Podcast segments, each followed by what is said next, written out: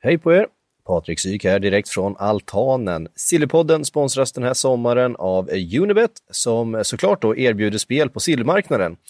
Och där har jag nu suttit och bläddrat en stund och stora grejen just nu är ju såklart Neymar då och hans frånvaro från försäsongen.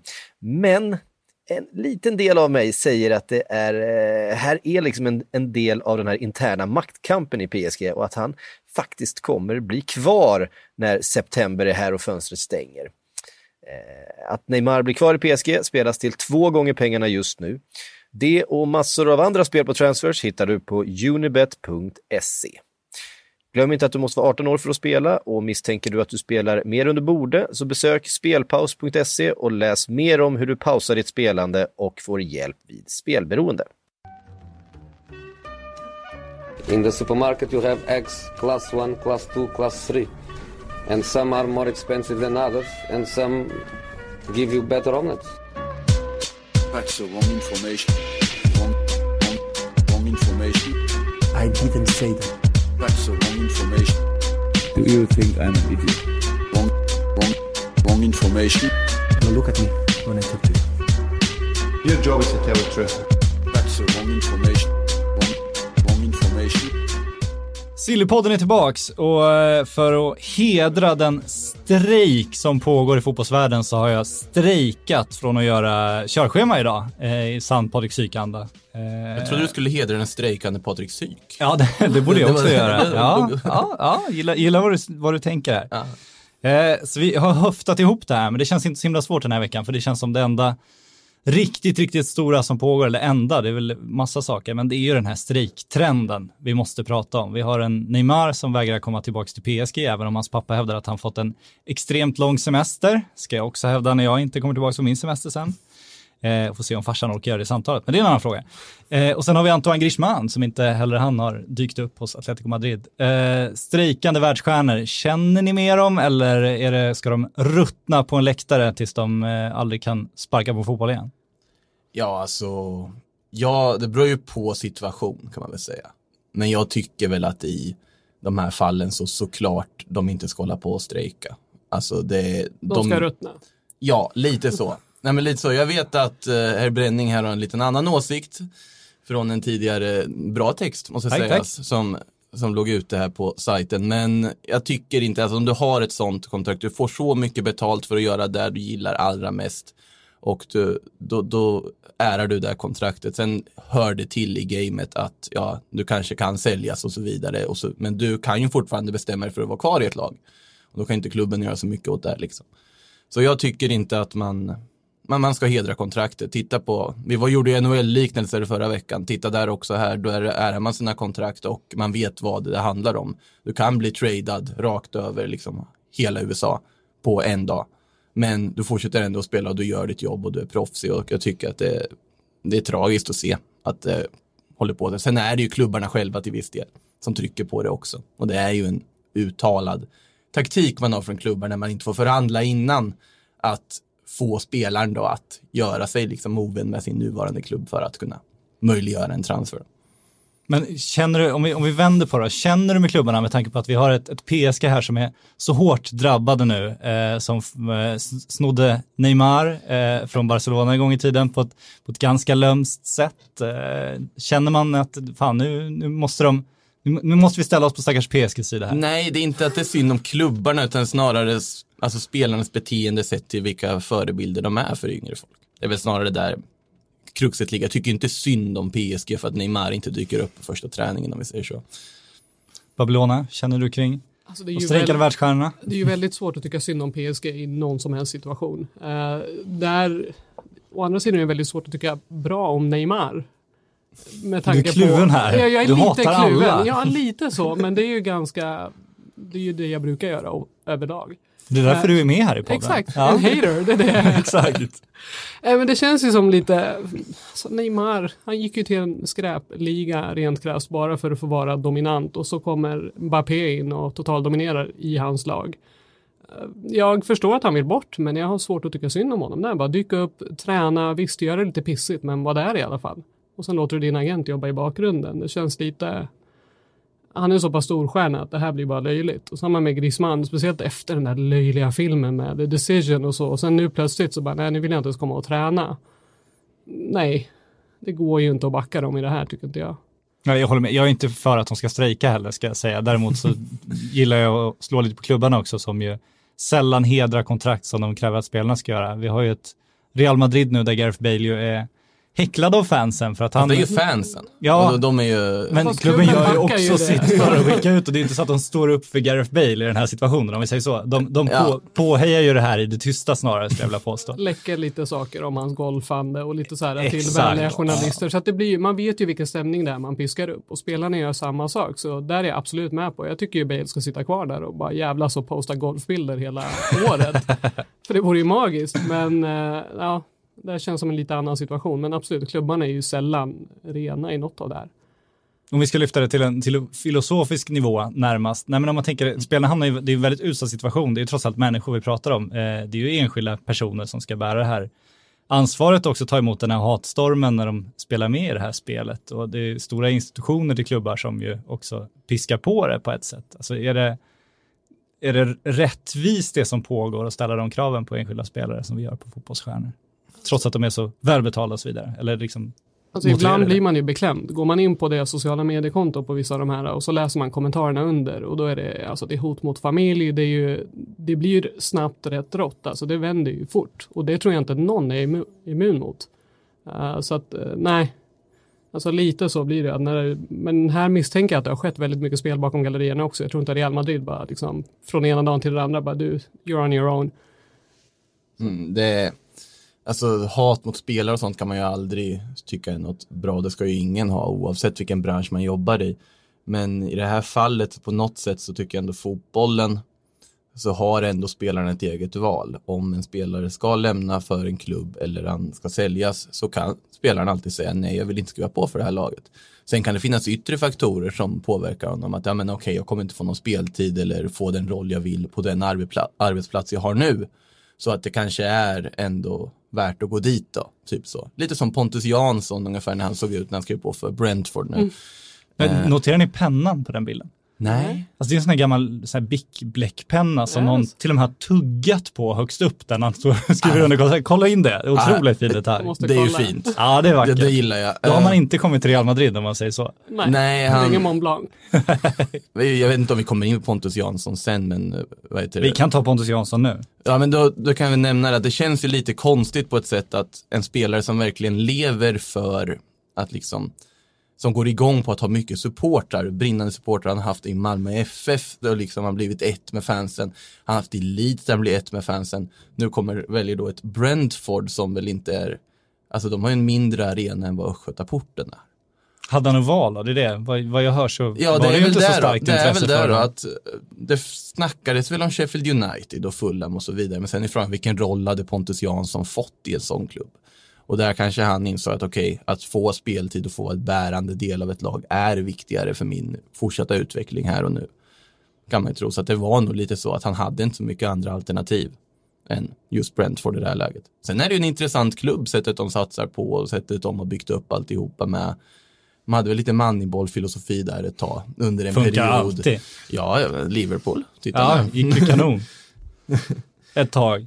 Men jag tycker också Pontus Jansson är intressant för att han har ju alltid varit den här jag- jag har nästan lite svårt för honom ibland för att tycka att han blir lite väl populistisk. Att det blir liksom, det blir de här självklara yttringarna till fans och de här uppenbara liksom flörtarna och han säger de här självklara sakerna. Och det är ju härligt att någon spelare gör det, men någonstans Men det så... funkar ju. Ja, det funkar ju, Man det är ju ju det. kultfigur direkt liksom. Ja. Att det räcker ju med ett par, tre sådana och sen är ju fansen på. De sväljer det direkt, det är ju Ja. verkligen så. Men, men det jag också hör nu att det här kanske har slagit, tillbaks lite mot honom, att han har blivit en stor, stor karaktär, att klubbar drar sig lite för och eventuellt värva honom för att han, liksom, han, han tar plats helt enkelt.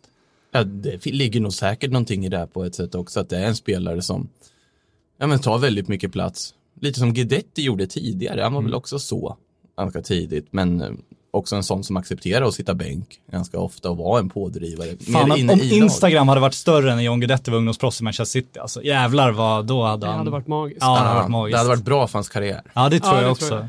Men eh, ja, det kan ju ligga någonting i det, absolut. Sen kan det ju vara så att faktiskt, som Pontus Jansson säger själv, att han ser någonting i det här projektet. Man ska ju inte utesluta det. Han går fortfarande till en Championship-klubb, men en Championship-klubb som inte har samma press kanske att leverera utan, som Leeds har, utan jobbar sig uppåt sakta men säkert. Mm. Eh, tillbaks till Neymar, eh, vi måste ändå eh, fortsätta på spåret där. Eh, vi kan väl ta själva PSG-ingången, för det har kommit uppgifter vad PSG satsar på om, om de säljer Neymar. Eh, och det är ju den gode Leonardo, han tittar ju bara åt sitt Serie A, det vet vi sedan tidigare. Och eh, de det pratas om är Lazios Sergej Milinkovic-Savic och eh, Napolis Allan. Vad eh, säger vi om Neymar mot dessa två herrar? Väldigt skilda spelartyper om man jämför Ja, med det- Neymar var ju det första jag reagerade på. Det är ingen Men, straight swap gissar jag på. Nej. Nej, eh, dock två väldigt bra mittfältare, men det är ju helt skilt. Vem, vem plockar man in som Neymar då? har inte Rabiot kvar, man vill ju flytta upp honom på en ytterroll där, men Men är det inte, alltså du har ju Di Maria, Cavani, Mbappé. Jo, men Di Maria. Di Maria är Di Maria. Säger gamla Real-vurmaren. Så ni är typ tre som fortfarande hypar Di Maria? Japp. Okej. Ja, det Nej, alltså, inget. Milinkovic Savic känns det ju som att han bör ju flytta på sig i sommar. Uh, pratas ju även mycket om Man United där. Och Lotito sägs ha sagt att han vill ha 100 miljoner euro igen då. Det är ju det, det, är det han alltid kommer begära tills han får det. Eh, så att det vore ju ett toppköp. Tror jag absolut. Jag hoppas att han inte hamnar i det just PSG. För det vore lite tråkigt men Nej, alltså jag vet inte. Vad, vad har PSG kvar på mittfältet nu? De har ju fått in Ander, de har fått in Pablo Ja. Sarabia. De ska väl ha någon form av roll i det här laget, gissningsvis. Du har väl kvar uh, Verratti är kvar. Mm. Det, det finns ju mittfältare egentligen.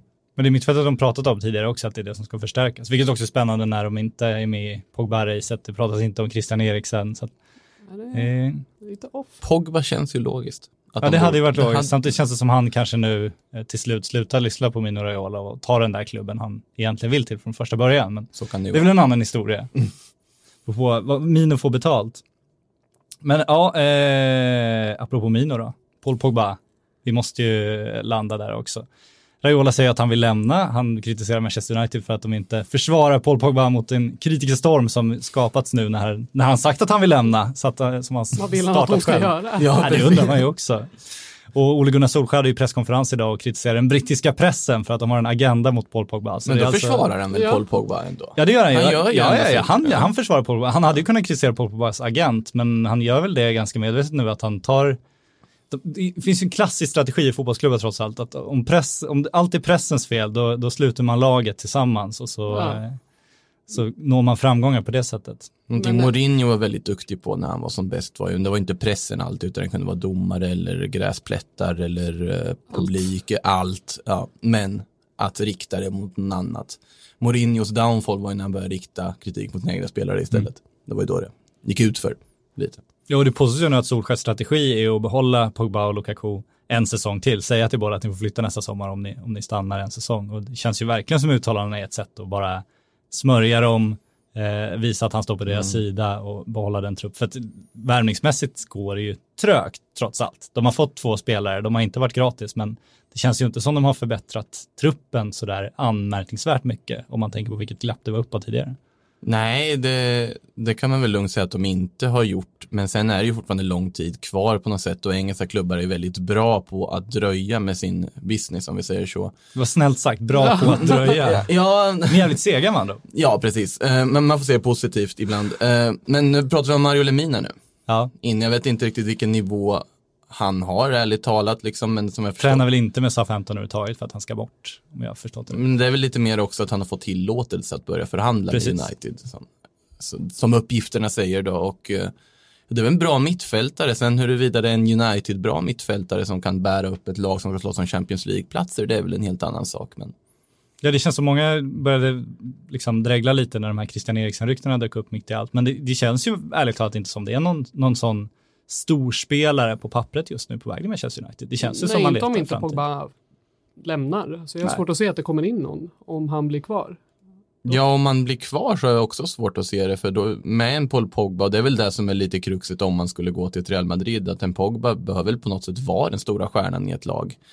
Samtidigt så kanske man kan tänka sig att en Pogba skulle leverera bättre och ha lite bättre liksom vara jämnare i en miljö med andra stjärnor som sätter en press på honom än, för han har väl ingen som egentligen sätter den pressen på honom. Alltså, det är inte som att Jesse Lingard har gått fram till Pogba och säger att men nu får du börja steppa upp här nu.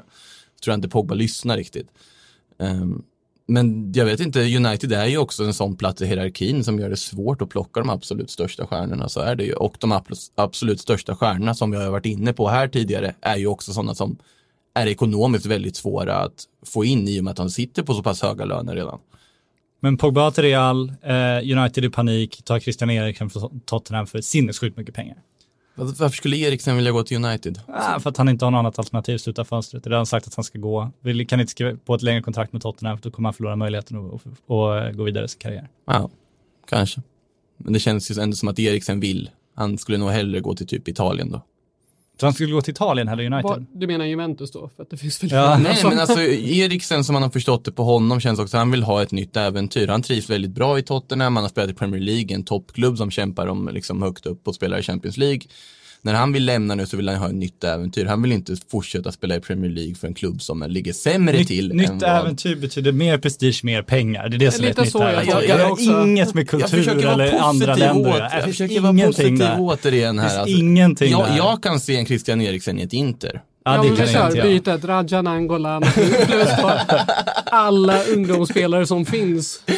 Ja, man går inte från en CL-finalklubb till ett Inter just nu. Det finns ju inte en suck. Nej, jag kan se det. Ja, nej, det kan inte jag göra. Jag tror att du är rätt ensam om det, men Ja. jag, jag gillar din pepp där. Du får gå till din Di Maria-klubb här och så får ni bekräfta varandra i den här jag vill tro att det fortfarande finns spelare som inte bara tittar på sedelbuntarna utan faktiskt ser ett äventyr eller liksom ser det som Men vad ny är äventyret då? För han kommer liksom inte gå till Inter och tänka, ah, Milano, nu ska jag insupa kulturen i denna klassiska ny- stad. ny ja, absolut, men jag tror inte att han kommer ta del av det om vi säger Ny så. stad, klassisk klubb, ny tränare som håller på att bygga någonting. Nu vet jag att Babylon är ganska negativ mot Inters möjligheter och så vidare inför Det är säsongen. jag med som objektiv person. här, så Ja, att, ja, men jag tycker ändå att det ser intressant ut. Alltså, det, det enda som jag har som, som är positivt i det avseendet är ju, försvaret är väldigt bra. Conte är duktig. Mm. Alltså han, det är ju han som är den så kallade toppspelaren, vilket man även sa på presskonferensen, som gör då att han blir arg och säger att jag vill ha toppspelare på planen och inte bara det själv. Eh, så jag håller ju med där och det saknas ju för att du har ju inte adderat någon kvalitet alls. Det enda du har gjort är att du har berättat att eh, Raja vill vi inte ha kvar, Mauro Icardi vill vi inte ha kvar. Så de två spelarna som på pappret är bäst ska inte vara kvar. Så jag har svårt att vara positiv just nu. Däremot så tror jag att det definitivt kommer se bättre ut än förra året för att Conte är bra. Mm. Men det har ingenting med varken Pogba eller Eriksen att göra nu. Men ja, jag tror åt helvete. Eh, Mattis de Ligt, han ska ju med i varje podd också. Eh, vi måste ju hejta lite på agenter också, det hör ju lite till eh, ag- agendan i den här podden. Ja, det gör det. Eh, absolut. Eh, men det är lite spännande uppgifter ändå det här att eh, Mattis de Ligt har gjort en deal med Ajax förra sommaren, att han ska få gå för 50 miljoner euro det här året. Eh, hävdar ju då eh, Mina Raiola nu, kan vi väl säga att det är som har läckt de uppgifterna, det kan vi nog vara ganska Måste säkra på. Ja, så Ganska- då vill Juventus bara betala den summan. Men, Ganska eh, abrupt nej. prisdroppen då. ja. Alltså, Ja. vad det pratade som. Och väldigt konstig deal att göra med en så ung spelare, man vet vilken explosionsartad utveckling kan göra. Så att man köper ju inte riktigt det där snacket. Nej, däremot så gick ju Fabrizio Romano som jobbar för Di Marzio ut med igår att eh, det likt och Juventus är överens och att det lär liksom bli klart när som. Eh, och han brukar ju ha hyfsat bra källor, men jag menar det är också så här, släpper man 100 transferbomber så är det klart man träffar, Träffar några. Det är som sänka skepp det här till slut. Så. Ja men lite så, att Ja. även om han har högre credibility än rätt många av de här så är det ju fortfarande, ja, nej. Jag tror inte Ajax bara släpper honom. Sen har ju Raiola sagt att han, det riktigt är överens med Juventus också. Ja. Det är ju ingen snack om den saken. Men det är inte bara den här situationen där Juventus har sagt, ja men vi har, vi har 75 miljoner euro att lägga på det likt. Och så, så säger de till Raiola, ja, lös det, behålla- du får fördela pengarna hur du vill. Liksom. Så om han jobbar ner 50 miljoner till 50 miljoner med Ajax så tar han ju 25 själv. Liksom. Bra bonus. Ja, men det, det har han gjort förut. Ja. Det är min totala övertygelse om det här. Ja, för det känns ju som, alltså, det är jättekonstigt om det låg på en sån summa. Då hade inte pratat om de summorna jag gjort tidigare och det hade inte dröjt så länge om det skulle finnas någon sån form av agreement. Ajax är ju ändå en ganska, Då hade väl Barcelona plockat honom för länge sedan också, eller? Alltså om det var just 50 eller var det Ja, bara men 50 det var ju- till just du- Juventus? Du ska Alltså, komma överens med Drift och Raiola också, det var där Barcelona föll ifrån. ja det är väl där problemet ligger, men samtidigt så då hade det ju aldrig ens dröjt på det här sättet för att alla klubbar varit redo att betala den summan, för det är ju ett, faktiskt ett fyndpris för en sån spelare. Ja, ja, det- han kommer inte kosta det. Nej, exakt. Det blir väl 75 någonstans. Måste ju nästan bli det. Om Ja, man tittar på vad andra eller? spelare kostar. Jag menar om Wan-Bissaka går Ja. så måste. PL-sjukan. Ja, men ändå. Det likte ju dominant. Ja. Alltså, Ja, är alltså helt annan typ av 75 är ett underpris tycker jag. Ja, jag håller I med. Men jag tror ändå att det blir det för att Ajax är inte jättebra på att sälja. De är bra på att sälja dyrt för att de har dyra spelare, men de är inte bra på att pressa ut varenda krona. Det har man ju sett tidigare. Ja, eh, Christian Eriksson har vi varit på. Marco Asensio har jag kastat in för Makotos skull här för att det kom ett sånt otroligt härligt rykte eh, om att Liverpool ska vara sugna på honom. Eh, enligt en väldigt skakig källa som jag aldrig ens har hört talas om, som heter eldesmarke.com. Eh, men ja, Asensio. De, de kan ju absolut vara intresserade av Marco Asensio, men jag har svårt att se att Real Madrid ska vilja förhandla om Marco Asensio. Det som skulle kunna hända är väl att det blir en öppning med Paul Pogba-värvning, att man tar in en sån, man inser att shit, vi måste få in pengar. Gareth Bale rör inte på sig. Isco rör inte på sig, eller man vill behålla Isco. Ceballos verkar ju bli ett lån. Keylor Navas verkar ingen vilja köpa på grund av ett högt pris, vilket är konstigt i sig och han verkar ju stanna. Mariano tänker sitta kvar där med sin nummer sju i omklädningsrummet fortfarande, vad det verkar också. Så att något måste du ju sälja. Sen har jag väldigt svårt att se att Real Madrid skulle släppa Marco Asensio. Jag tror ändå man vill ge honom någon säsong till åtminstone att visa den potential det har pratats om. Nu har han inte visat ett dugg av den under förra säsongen och snarare stagnerat lite i utvecklingen, men det ska till väldigt mycket pengar, så kan man väl säga, om man ska släppa honom. Pratas om 75 miljoner euro där också. Skulle du ta det? Jag hade inte tagit det, så kan jag säga. inte det. Jag hade inte tagit det.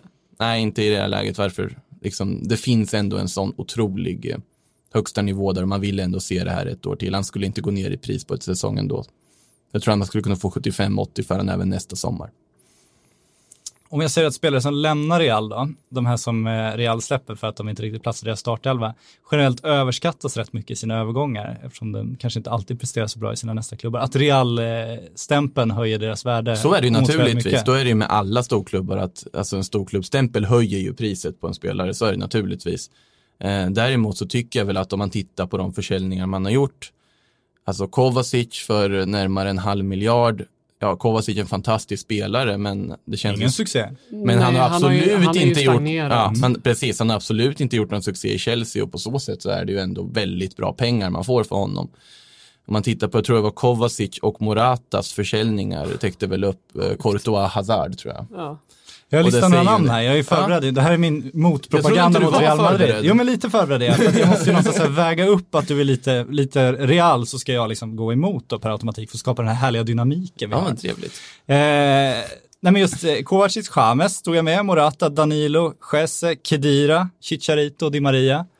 Det är liksom, Jag minns inte vad alla de här har gått för om vi säger så, men jag kan säga att pengarna man har fått för till exempel Di Maria och Morata och så vidare, det är ju superdeals. ja, de säljer ju snuskigt dyrt Ja, med, med Till reserver. Premier League. Ja, och då är min fulla övertygelse om man inte platsar i Real, då lyfter man inte ett topplag i en annan liga heller. Om man, om man tittar på de här exemplen så stämmer ju det du säger. De har ju absolut inte lyft. Sen är det spelare som skulle platsa i Ja, de flesta absolut, lag utan absolut. problem. Jag tror till exempel en James skulle bidra med någonting till varenda lag han skulle kunna komma till. Problemet är väl att i Real Madrid så finns det alltid ett överflöd av väldigt, väldigt bra fotbollsspelare, vilket gör att det finns på ett, både fynd och överpriser att hämta i den liksom, lådan. Till exempel om man tittar på försäljningen den här sommaren, som Marcos Llorente till exempel som lämnar för Atletico, där tror jag att Real Madrid kommer må väldigt, väldigt dåligt om några år över att man släppte honom.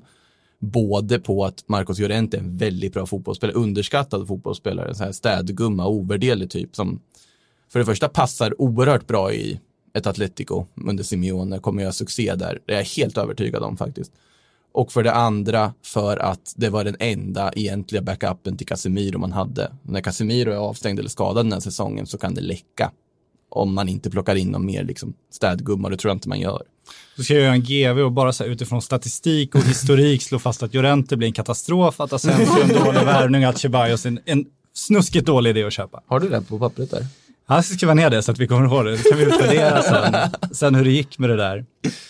Eh, vi måste stanna i Tyskland också tycker jag, för Bayern München har ju, de har inte börjat värva, men de har börjat berätta att de ska värva. så de har i alla fall tagit ett steg närmare. Eh, Niko Kovac har ju bekräftat att de är intresserade av eh, Sané och att de vill ha Dembélé om det inte blir Sané. Och det Eh, visste vi väl, eller visste och Vi visste. vet att ett halvår va? Ja, lite Typ. så. Ja, Och det känns ju, båda värvningar känns ju jättelogiska och jättevettiga för Bayern München att göra i det här läget. men det verkar inte som någon vill gå till Bayern München. Ja, Alltså i så fall hade ju Sané varit klar. Det är ändå intressant, en, en tysk ändå, det är klart han är i Manchester City och sådär, men han är inte stjärnan i Manchester City. Han hade ju blivit en jättestjärna i Bayern München, det Bayern München Mm. har idag. Eh, men det är väl att tyska ligan på något sätt tappat i status. Alltså Bayern München som klubb tidigare var ju något mytomspunnet som var något stort. Det var det finaste du kunde komma till även för en tysk fotbollsspelare. Idag så är ju fotbollen mycket mer global på ett annat sätt. La Liga, Premier League har växt om helt och hållet. Även om Bundesliga har en oerhört bra kvalitet fortfarande så lockar det inte lika mycket. Du hamnar en sorts skymundan i någon sorts periferi istället. Om du går till Tyskland idag. Det är väl så unga fotbollsspelare kanske tänker. Det är bara Champions League som gäller då liksom. Ja, att det är ingen som kommer titta på när eh, jag spelar ligamatch mot eh, Hoffenheim eller mot eh, en Augsburg eller något. Liksom. Som tysk känns det ändå, då känns det ändå som du får en viss uppmärksamhet. Jo, så är det väl, men samtidigt så känns det väl som att många fler tyskar testar, liksom, testar sig själva utomlands på ett annat sätt än man gjort tidigare. Förr var det ju tyska landslaget bestod av Bundesliga-spelare, varav hälften spelade i Bayern München. Nu är det ju inte så mer. Nu är de ju lite överallt. Det är många i England, det är många i Spanien. Det har ju förändrats på det här sättet och det kan väl ligga något i det att Bayern München har inte samma attraktionskraft som man hade tidigare. På något sätt. Ja, jag tycker det är spännande också för det påstås att de här alternativen till Sané och Dembélé är Hakim Ziyech, den här Ajax-mittfältaren, Yannick Carrasco och Steven Bergvin. Och det är ju inte så att det liksom, ah, Ribéry, Robben ut och så Bergvin och Carrasco Alltså, in då. jag, jag gillar ju Bergvin. Det är ju en väldigt intressant spelare, men det är ju lite skillnad att prata om Sané och sen gå ner på den nivån. Ja, och precis. Ziyech borde de ju kunna plocka in. Han har väl en klausul, alltså han kostar ju ingenting sett i kvalitet. Han har väl, det är väl 30 miljoner euro eller Mm. Det är. Alltså, konstigt den att det inte blir mer snack om Ziyech än vad det har varit. Alltså, Jag tycker överlag har det inte varit ganska trögrörligt. Startspelarna i klubbarna blir kvar. Alltså även klubbar som gärna vill sälja så Mm. det händer ingenting. Det är, det är mycket unga spelare som flyttas på. Men Mm. det är ju inte, startspelare blir kvar i de flesta. Det är inte här PL-klubbarna ska in de som sitter så still men inte scoutar utanför sitt eget land då, kanske kan bero på det. Men Kanske.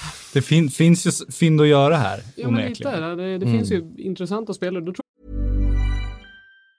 When your skin feels nourished and glows, you radiate confidence. Osea makes giving your skin a glow up easy with their clean, clinically proven Mega Moisture Duo. This seaweed powered duo features two of Osea's best sellers, Undaria Algae Body Oil and Undaria Collagen Body Lotion. Glow from the inside out. Get 10% off your first order with code GLOW at OseaMalibu.com. That's O S E A Malibu.com code GLOW.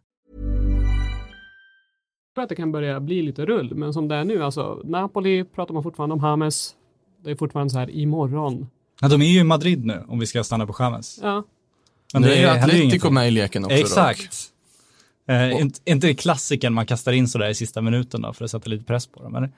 Ja, det kan ju vara. Alltså, det verkar väl som på uppgifter man läser, väl Napoli vill ju ha ett lån Mm. med en köpoption. Real Madrid vill väl snarare bryta banden med Chamez nu en gång för alla. hur långt kontrakt har han nu? Ja, jag vet inte, de skriver ju så långa Sånt kontrakt. Alan om det. Pardew-kontrakt. Ja men lite så det är liksom lån med köpoption. Det har han gjort nu i typ fyra år i olika klubbar. Ja, eller det är två år i Bayern han har varit på lån med köpoption. Eh, och sen så är det väl, jag vet inte hur många år han har kvar på kontraktet, men det är väl en del också. Skulle inte förvåna mig om han skriver på något nytt avtal innan han... eh, Just det, nej, till misslyckas. Bayern i alla fall, är det lär han gjort. Kan, kan ju ha varit så. Så. Ja, men eh, utan att veta någonting om Chamez kontraktslängd så känns det som att Real Madrid vill snarare få in pengar i och med de värvningar man gjort och värvningar man kanske planerar att göra. Du vill få in en transfersumma rakt av som du kan börja liksom jobba med. Fast det kommer inte hända om man dealar med de italienska klubbarna. För där är de flesta att man vill ju sprida ut Precis. kostnaden på flera år. Så det är ju det som är problemet generellt där att Och där blir ju därför Atletico intressantare som kan tänka sig betala en transfersumma för att få över Chamez. Det, det verkar ju inte som att Real Madrid har några större problem att förstärka Atletico Madrid. Nej, uppenbarligen inte. Nej, så att det och James får man ju se också. Han har ju ett hus i Madrid, han har familj och så vidare. Det är ju inte helt omöjligt att han vill stanna i stan också. Och är ju inte så pass liksom starkt rotad till just Real Madrid för att inte kunna göra den flytten känns det som. Eh, Men det är ju tråkigt för Napoli om inte annat om man tappar den här värvningen som ändå såg ut att vara så pass nära väldigt länge. ja, Ancelotti får inget par samtal till då. Ja, Exakt. Det är väl lite det han får. Men han bekräftar ju då att han, att han vill ha Chamez Mm. så att han kommer. Ja, han har, Var, men var hamnar Napoli i den, för nu kändes det ändå, Chamez känns som en- den här typen av spelare som den typen av klubb kan få och som kanske kan, trots allt kan bli väldigt bra, trots mina GV-slutsatser kanske eventuellt, och kan lyfta Napoli. Vad, liksom, hur, stor, hur stor förlust hade det varit att inte få Chamez nu? så det blir väl lite av en prestigeförlust med tanke på hur Juventus värvar och så, hur man vill ändå närma sig och komma närmare i tabellen. Eh, och sen tror jag att för Ancelotti, man har ju tagit in honom också för att han är den här, uh, han har ju en viss status, han kan plocka in lite finare spelare, lite bättre. Eh, så jag tror att det blir en prestigeförlust, men det är sånt som händer. Det är då pengarna läggs över på Icardi istället. Mauro. Vill vi se? Ja, Wanda i Napoli. Ja, det finns mycket att se fram emot här. Hon hade kunnat slå sina påsar ihop med den semestrande Mario Balotelli så hade de nog kunnat Det hade blivit magiskt. göra den där stan lite mer osäker. Där kan vi snacka Instagram stories som alla skulle vilja se. Ja, varför värvar inte Napoli bara Balotelli? Varför kan, vi, kan de inte bara bjuda på det? Vad är problemet? Jag bara tänker på stackars Ancelotti, vill man utsätta honom för det? Ja, ja, ja. Man vill inte utsätta Carletto för något illa. Alltså. Nej, man, man gillar, man Man gillar ju Caletto, det, Det, gör man ju. det, det finns nog få fotbollstränare som är så pass älskade av i princip alla som Carletto. Alltså, ja, men hur kan man tycka illa om honom? men det ju går inte. Nej, det går inte. Alltså, Räddning försöker nu. Jag försöker Jag måste vet, skapa försöker. dynamiken här, men jag kan inte, nej, det enda man hör från PSG-tiden också är ju liksom att så alla, alla mådde bra. ja, Ja, och i Real Madrid också. gullig, liksom. Ja, Real Madrid också, bara, bara det fina att när han lämnar Madrid, att äh, men nu tar jag ett sabbatsår, jag sitter i min stuga uppe i Kanada och jag, äh, men jag kan göra en cameo i en Star Trek-film på, under tiden också. Och sen, eh, har, har ni sett det klippet när han gör eh, pasta i Bayern Münchens klubb-tv? Ja, det är jättebra. Ja, det är så underbart. Alltså, Men han har Ja. också, där kan jag verkligen rekommendera hans självbiografi, för där lyser hans humor och Ja. personlighet verkligen igenom. Alltså det är, jag har faktiskt inte läst den, det måste jag göra. ja, den är värd att läsa. det är också fascinerande att han överlevt i fotbollsvärlden med tanke på liksom hur konkurrensutsatt och det känns som många tränare, många ser till sig själva om man säger så och han har någonstans flutit med som någon slags gentleman. Han känns lite, lite skön liksom. Nu, nu när han är Mm. i Napoli, då diskuterar han pizza liksom med fansen, lite skön, bjuder på sig själv och Mm. verkar inte så besatt av prestigen som många av de andra är. Sen är det ju också att han, han får ju alla klubbar han kommer till, nu kanske Napoli är ett undantag, men en ganska bra skattkista att jobba med. Och det är ganska bra spelare. Men det är ju det som också är så imponerande med honom, är att oavsett hur stora stjärnor det är, så vinner han respekten, så kan han bygga ett lag och ett bra omklädningsrum. Utan att peka med hela handen heller. Är inte Exakt. så att han skrämmer till sig Sen att han inte är någon taktiker, det är en annan sak. Att, att det är mest, jag gör vad ni vill på plan, liksom. Det finns ingen taktik. Är de tillräckligt bra så är det lugnt. Ja, men det är lite så. Ja. Eh, lite frågor tänker jag också. Eh, vår gamla Silly-tv-bekanting Kevin Bader undrar om Pogba och Lukaku försvinner, vilket verkar vara en tidsfråga, vilket tycker ni ska värvas in som ersättare till Manchester United? Christian Eriksson. Milinkovic Savic. Ja. skulle jag vilja se där. Ja. Det låter väl utmärkt om de skulle lyckas få Sergej. Kändes som en superförstärkning. Eh, om man tänker på vad som kan komma in mer. Jag tror inte att United kommer att punga ut de pengarna för Sergej, men en Bruno Fernandes tänker jag. Kanske. Mittfältet. Anfallsmässigt. Icardi? Mauro. Såklart. Nej, kommer inte nej, hända. det- Vanda nej, vill inte bo i Manchester kan vi säga till att börja med. Nej, men jag tror heller inte att uh, Ole skulle vilja ha Ja, den typen nej, av anfallare. Alltså, han, är, han är ju väldigt bra, men jag tror att det, de kommer nog leta lite efter en annan typ av anfallare om nu Lukaku blir såld. Jag slänger in ett oväntat namn här då, som inte har ryktats överhuvudtaget och inte kommer hända. Men, men, men som jag alltid vill slänga in, jag tror skulle passa i alla lag, Mario Mandzukic. Ja, men han är ju på väg ut från Juventus, Ja. så att det vore en low cost värvning, den vore intelligent, så därför händer den inte. Exakt. Den är, den är för bra, eller hur? Den är ju för den är perfekt. Den är perfekt. Som ett komplement till Rashford liksom. Och, Ja, men det vore en riktigt bra värvning. Vinnarskalle också, Mm. han är ju beredd att bryta Precis. sten för att göra mål. Precis. Det, Mario Mandzukic är en spelare som man vill ha i alla lag liksom, på något Var sätt. skulle han kunna hamna? För det är mycket snack om att det är han, det är Matuidi och Khedira. Kedira som ska ut. Dortmund har vi pratat om i Mandzukic fall. Och det är ju en jätteintressant värvning där de ska man ju också Det känns tillägga. väldigt mycket Dortmund på något sätt också. Ja, faktiskt. Ja. Hummels in, Mandzukic in, Ja. bra med rutin. Det fönstret de har gjort är ju extremt imponerande för övrigt. Dortmund har ju smugit under skymundan i periferin som kallas Bundesliga. De Men... var för tidiga också. Det var Ja, det. Innan precis, de- hade de- rullat igång Precis, de var de tidiga det och de var i Bundesliga, så man har inte riktigt märkt av det. Men Nej. liksom Torgan Hazard, Brandt, Schultz, Hummels tillbaka. Det, det är bra värvningar de har gjort för att ersätta. De har inte tappat så mycket mer. Det är väl bara Alexander Pulisic Isak. också. Ja, men Hallå! ja, nej, det är ju bara Pulisic. Och den, den hade de gjort klart ganska tidigt också kan man säga. precis. Så att det, det pågår något väldigt intressant där borta i, Och Pulisic fick de ju otroligt bra betalt för också sett till att han kanske inte Ja. varit så himla bra. precis. Apropå att sälja bra reservspelare som Mm. han väl nästan var ett tag nu. Ja, de finansierar väl Brandt, eh, Torgan och sen ett, eh, vad heter det, att köpa loss Paco Alcacer på en gång alltihopa, den där försäljningen. Jag sitter Chelsea och är nöjda. Mm. Sjukt. Eh, Nils August undrar, eller han, det är mer en uppmaning, diskutera gärna Arsenals anställ, anställning av Edo, hur mycket påverkar en sån position? Eh, och då ska vi säga att Edo, den här gamla brassen. Jag blev så eh, glad att se hans namn, för det var så länge Ja, det var sedan. härligt. Han, han känns också som en gentleman. Ingen, ingen som helst eh, fakta bakom det påståendet. Nej, han bara ser ut som det. Ja, men jag, håller, men jag håller med dig. Ja, ja, han känns inte som en Romario-typ om vi säger så. Som också varit i rubrikerna den senaste veckan. Av helt andra skäl. Det är en annan sak. Eh, men då ska jag bli teknisk direktör eller sportchef eller vad man nu vill kalla det. Han ska överse eh, arbetet som eh, första tränarna, akademitränarna och scouting och eh, rekryteringsdepartementet för att översätta bokstavligt ska jag göra. Så en, eh, en slags Typ VD. Leonardo? Nej. Ja, något, något åt det hållet. Typ Abidal i Barca, Ja, kanske. Alltså, det är ju väldigt poppis nu för tiden att ta in före detta spelare i den typen av roller, så är det ju. Och Edo ska jag väl ärligt talat säga, i och med att jag blev så glad att se hans namn så säger väl en del att jag har ingen aning om vad han har gjort innan och vad han har för kvalifikationer för att sköta en sån roll. håller hos Brasiliens förbund nu senast va? Jag Tror Är det där han har hängt? Ja, jag tror det. Utan att ta jag gift på det. Kan jag förklara varför jag inte har sett honom? Ja, japp.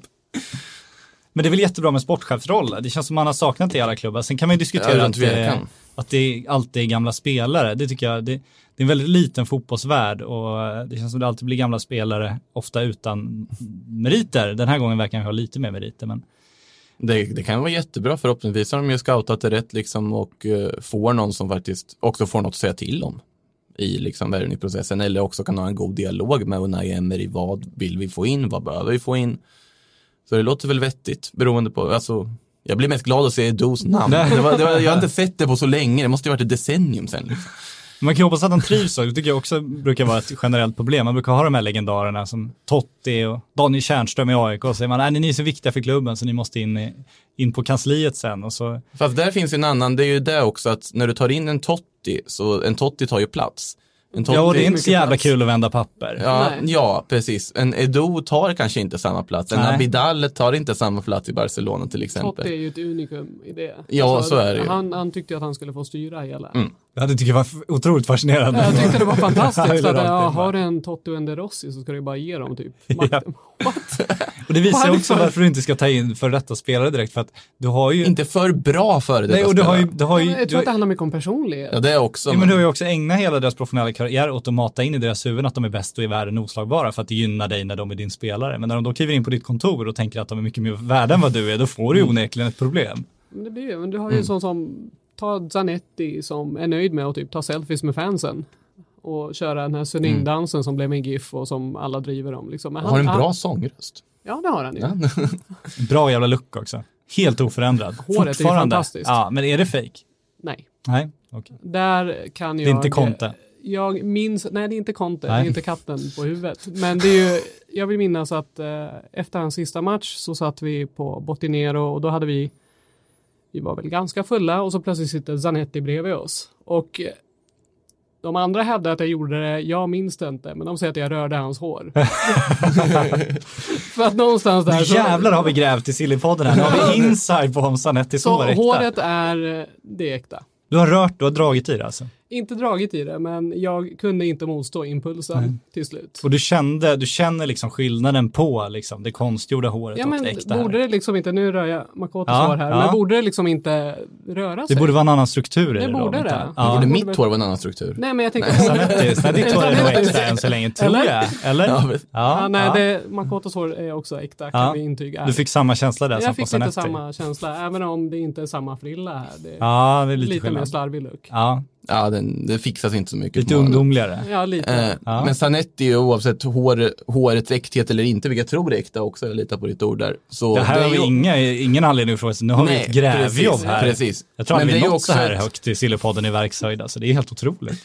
Men han är också ett unikum, fast åt andra hållet än Totti på ett sätt. Ja, men det är ju ett helt annan typ av Ja. personlighet. Mm. Det är det ju. Eh, men jag menar, ta en sån som, jag menar, Roy Keane hade ju aldrig funkat i United för att han tar ju också alldeles för stor plats och han är ju explosiv på alla möjliga vis. Lite impulsiv också. Fast jag hade ju älskat det. Jag, Ja, herregud. Jag, det var ju en favoritspelare för mig. Jag hade ju bara älskat just det Fast här. han hade ju trott så här, han gått ner till omklädningsrummet, skällt ut spelarna två och en halv timme och tänkt att alla problem är lösta. Ja, Liksom. Sen har han gått vidare med sitt liv. Så här old school. Ja. Men typ sätt in en Wes Brown där istället så kommer inte den, han ta lika mycket plats.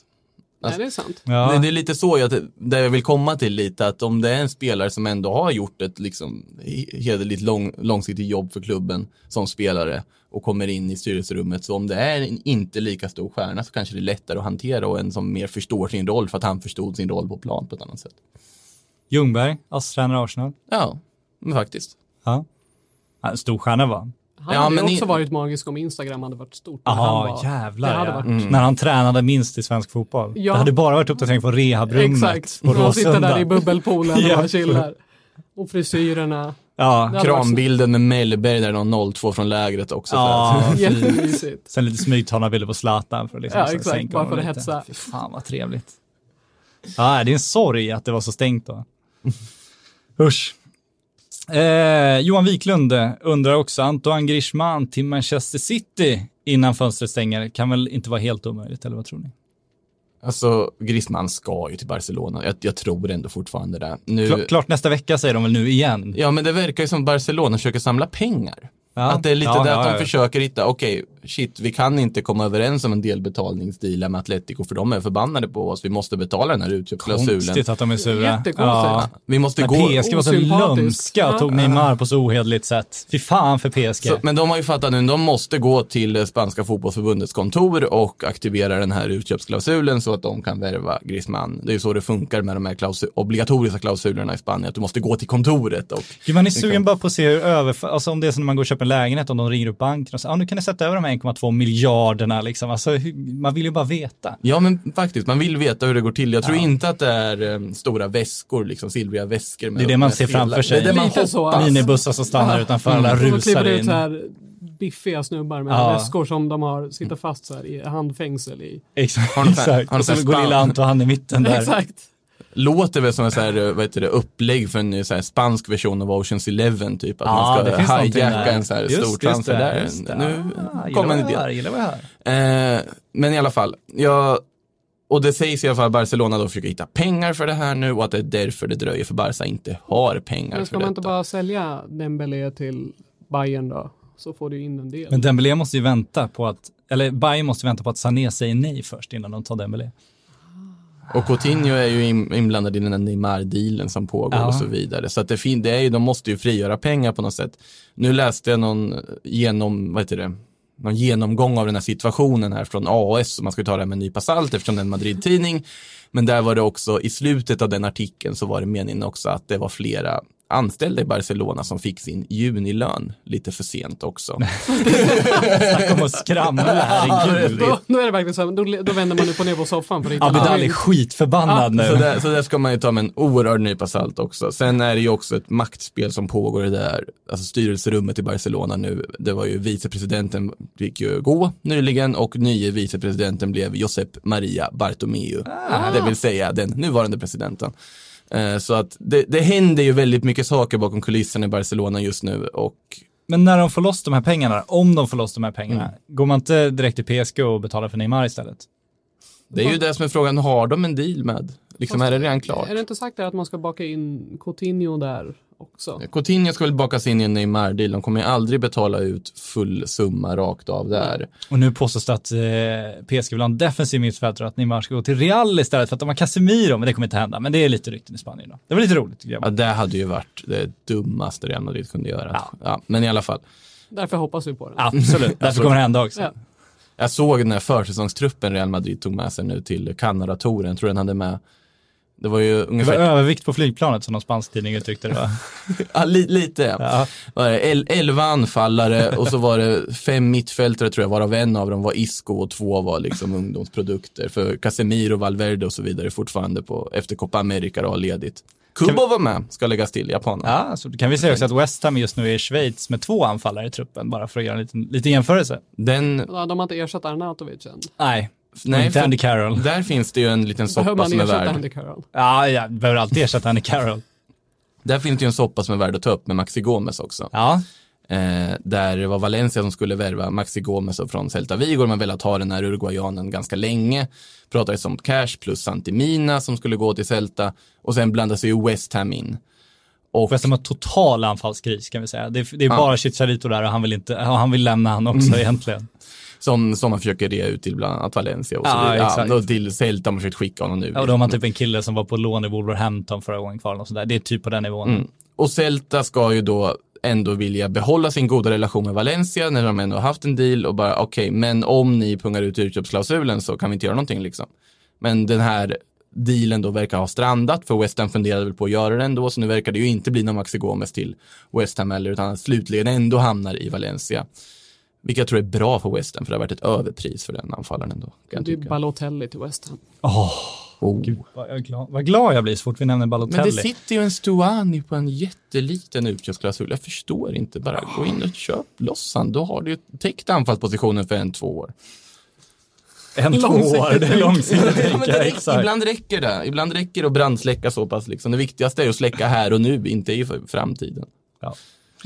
Eh, Emanuel Weiburst undrar vad händer med Benzema, accepterar bänken, flyttar till Arsenal, Benzema kommer spela från start, det kan vi gå vidare med. Jag Ja, älskar bara att ja, bekräfta ja, Benzemas status. alltså- Ben- startar ju. Benzemas Ja, ja, ja. startplats är lika liksom konstant som att det finns en icke-fungerande rulltrappa på TC.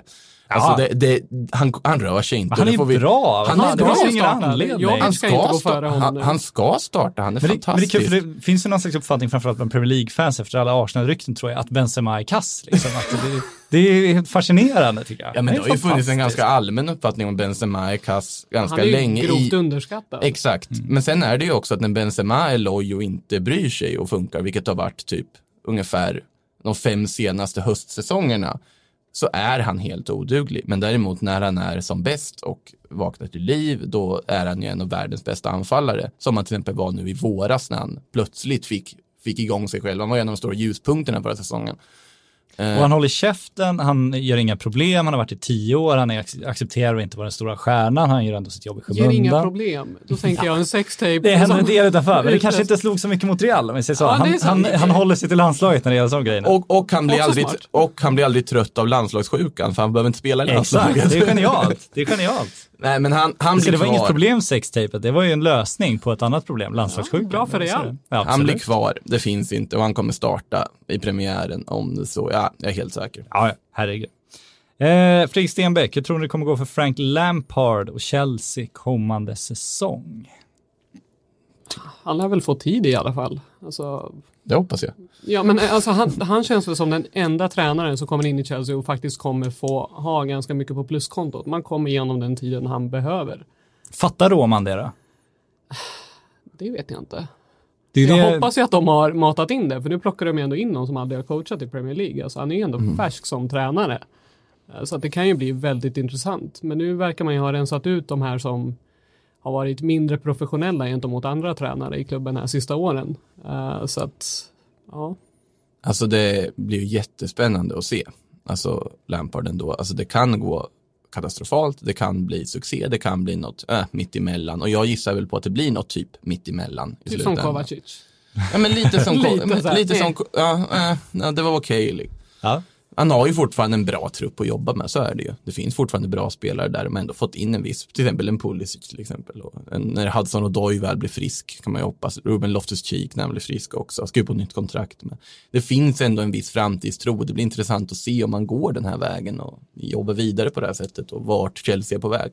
Jag tycker ska se också vad folk förväntar sig av dem, för att de, de har ju Ja. en betydligt sämre trupp än Manchester City och Liverpool. De Ja, kommer utan liksom inte vinna men, Premier League. Nej, nej, men det kan man ju inte förvänta sig av Nej, men frågan är om de är nöjda om de liksom krigar om fjärdeplatsen. Liksom. Det blir väldigt intressant att se. Ja, Då har de gjort det ungefär man förväntar sig. Det är ju en... Ja, Ja. ja. Men är, är Chelsea nöjda med det? Chelsea-fans nöjda med det? Är Roma nöjd med det? Alltså, Fast är det inte är Marina som min- styr snarare än Roman nu för tiden? Ja det, ja, det vet man inte. Det är väl lite telefonkonferenser där. Ja, de, de har väl någon form av kontakt? Ja. Känns ändå som han har sista ordet. Kanske. Eh, ja, Tobias Kahn får avsluta det här. Eh, det blir mycket Premier League bland frågorna. Det har ju en tendens att bli det. Men hur ska Tottenham värva för att bli ett bättre lag utan Eriksen? Är Lo Celso bra nog? Ceballos tar han upp här också. Eh, vet vi att det skulle vara en tokflopp såklart. Så att, men eh, Du, du är övertygad om det? ja, men jag måste ju vara GV här. Jag lutar ju mot min statistik. Det Ja, visar ju fast din historiskt. statistik är, kolla Wesley Sneijder när han lämnade. Real. Nu är det för långt tillbaka här. Jag Ja, okej jobbar i då. modern tid. Det var en annan fotbollsvärld då. Arjen Robben. Annan fotbollsvärld. Okej då. Ja, en modern tid. Ceballos flopp. Flopp. Alltså, Ceballos i Premier League, mycket väl en flopp, kan jag väl säga. Det känns inte som en spelare som är riktigt anpassad för den typen av fotboll. Det jag tycker är så konstigt är att nu har värvat en Dombele. Du, du har fått in en liksom, prio ett mittfältaren. Man vill ha en till in i mittfältare, någon mer spelskicklig och det är ju he- helt logiskt att man vill ha. Lo Celso, absolut en super, alltså värvning på det sättet, superfin spelare. Ceballos tycker jag också är det, så jag vill ändå hoppas att det skulle kunna gå bra för honom. Ceballos skulle dock handla om ett lån, så det känns ju inte så långsiktigt för en klubb som ska slåss om att vinna Champions League-titlar och Premier League-titlar. Eh, men det pratas om att båda ska in. Och det ser ju inte jag vad, hur man ska få in allihopa där.